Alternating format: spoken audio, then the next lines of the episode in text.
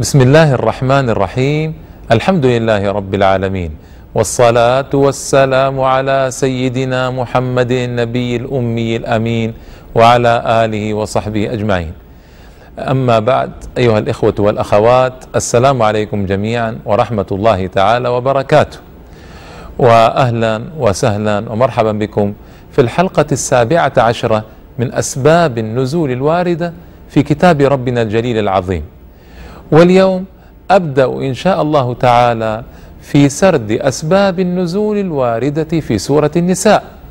وذلك في قول الله تبارك وتعالى ومن يطع الله والرسول فأولئك مع الذين أنعم الله عليهم من النبيين والصديقين والشهداء والصالحين وحسن أولئك رفيقا ذلك الفضل من الله وكفى بالله عليما. الله أكبر. تقول عائشة رضي الله تعالى عنها جاء رجل من الصحابة الكرام العظام إلى رسول الله صلى الله تعالى عليه وسلم فقال يا رسول الله والله إنك لأحب إلي من نفسي وإنك لأحب إلي من ولدي وإني لأكون في البيت فأذكرك فما أصبر حتى آتيك فأنظر إليك. وإني أعلم أنك ميت وأنك تكون في الجنة مع النبيين. وأني إذا دخلت الجنة لا الحق بك. فسكت الرسول صلى الله عليه وسلم ولم يرجع إليه بشيء. فأنزل الله تعالى هذه الآية الجليلة أو هاتين الآيتين الجليلتين العظيمتين. الله أكبر. في هذه الآيتين أو في هاتين الآيتين عدة فوائد.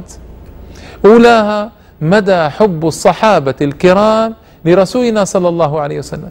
فهذه قضية جليلة واضحة من قول هذا الصحابي إنك لأحب إلي من نفسي وإنك لأحب إلي من ولدي وهو في البيت يتشوق حتى يراه. وهو حزين لأنه إذا دخل الجنة لن يلحق بالنبي صلى الله عليه وسلم ولن يكون معه. فطمأنه الله تعالى أن كل من يعمل من الطاعات والصالحات آه، عملا دؤوبا متواصلا إلى درجة يرضاها الله تعالى فإنه سيكون مع النبي صلى الله عليه وسلم في الجنة. ما أعظم هذا؟ أما حب الصحابة للنبي صلى الله عليه وسلم فهو يتجلى في هذا الموقف ويتجلى في مواقف جليلة.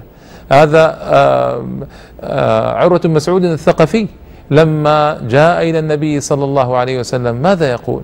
يقول يا قوم دخلت على كسرى وقيصر والنجاشي فوالله ما رأيت أحدا من الناس يعظم أحدا كتعظيم أصحاب محمد محمدا صلى الله تعالى عليه وسلم.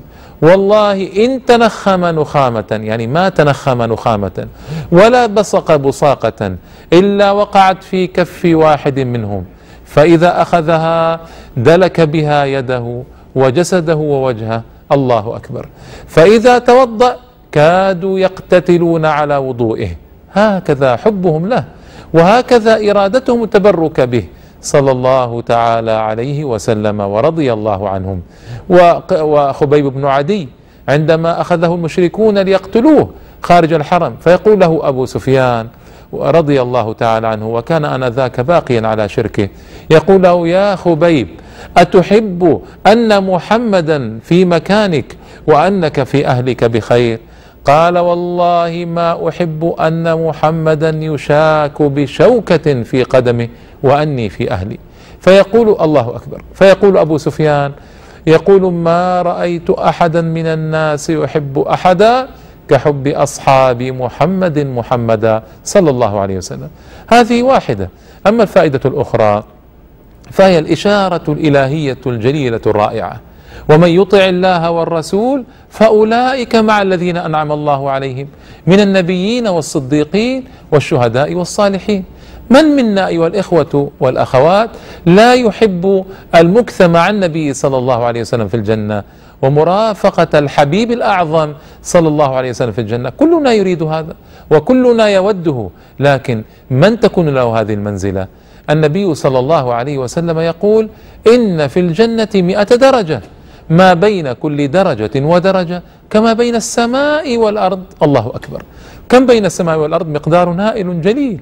فمن يفوز بالدرجة المئة؟ ومن يكون في الدرجة التسعين ومن يكون في الدرجة الأولى وهكذا من يكون؟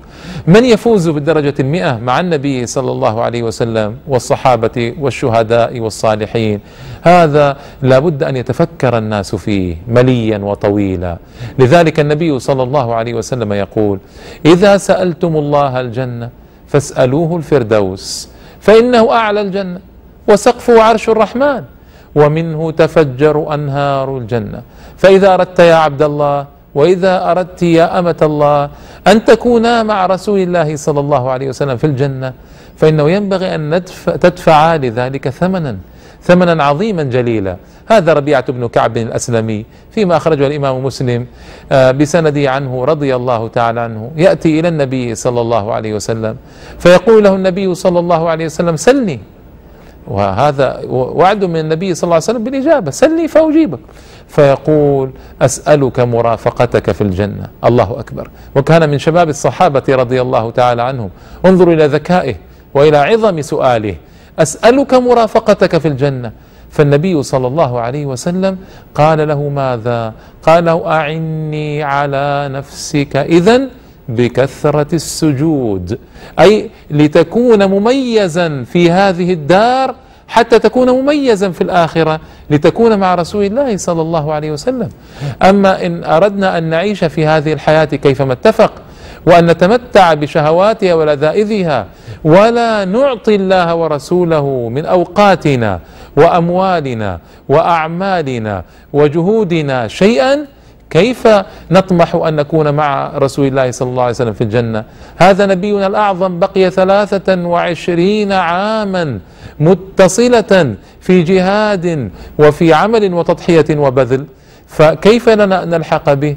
إن لم آه، نبذل جهدا عظيما وإن لم نقدم كثيرا من جهودنا وأوقاتنا وأعمالنا في سبيل الله وأموالنا أيضا. معاشر الإخوة والأخوات. نحن في شهر كريم ونحن في شهر فضيل ونحن مأمورون أن نتدبر القرآن العظيم. هذه الآية إن مررنا عليها ومن يطع الله والرسول فأولئك مع الذين أنعم الله عليهم من النبيين والصديقين والشهداء والصالحين. ينبغي أن نتدبر هذه الآية وننظر في أحوالنا وأنفسنا ونسأل أنفسنا سؤالا واضحا لا ريب معه ولا شك ولا خلط فيه ولا آه، محاباة.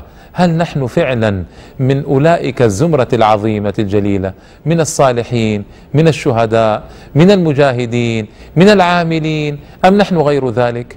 طيب آه، هل نطمح إلى أن نرتقي الدرجه الدرجات العاليات في الجنة أم نريد أن نكون في أي مكان؟ فإن أردت أن تكون في أي مكان فاعمل أي عمل. أما إن أردت أن تفوز بنصيب عظيم جليل في والدرجات العالية الرفيعة في الجنة ينبغي أن تقدم ثمنا غاليا من أجل هذا. واليوم إذا ارتفع فوقك صاحبك آه، براتب أو منزلة تكدر عيشك. فكيف إذا جئت يوم القيامة؟ فوجدت صاحبك وقرينك واخاك وزميلك وكل من تعرف في هذه الدار وجدت بعضهم يرتفع فوقك درجات في الجنة. ما الذي أنت صانعه كيف تعمل؟ كيف يمكن لك أن تستدرك؟ وذلك اليوم ليس فيه استدراك ليس فيه دور ثان ليس فيه اختبار آخر. آه، درجة ثابتة في الجنة. كيف؟ لذلك اعمل كل ما تستطيع أن تعمله في هذه الدار قبل أن تموت وينقطع عملك. اعمل كل ما يمكن لك أن تعمله قبل أن تأتي يوم القيامة فتجد الناس قد فازوا وارتفعوا وأنت ما زلت آه، في درجة منخفضة عنهم. معاشر المؤمنين آه هذه قضية جليلة. لو تفكر فيها المرء لتغيرت حياته وانقلبت موازينه وأسرع يعمل كل ما في وسعه حتى يلحق بأولئك العظماء في الفردوس الأعلى. أسأل الله تعالى بأسمائه الحسنى وصفاته العليا أن يجعلني وإياكم منهم ومعهم وفيهم وأن يرزقنا الدرجات العاليات. إنه ولي ذلك والقادر عليه. وصل اللهم وسلم وبارك على نبينا محمد وآله وصحبه أجمعين. وإلى اللقاء في حلقة قادمة إن شاء الله تعالى من أسباب النزول. والله تعالى أعلم.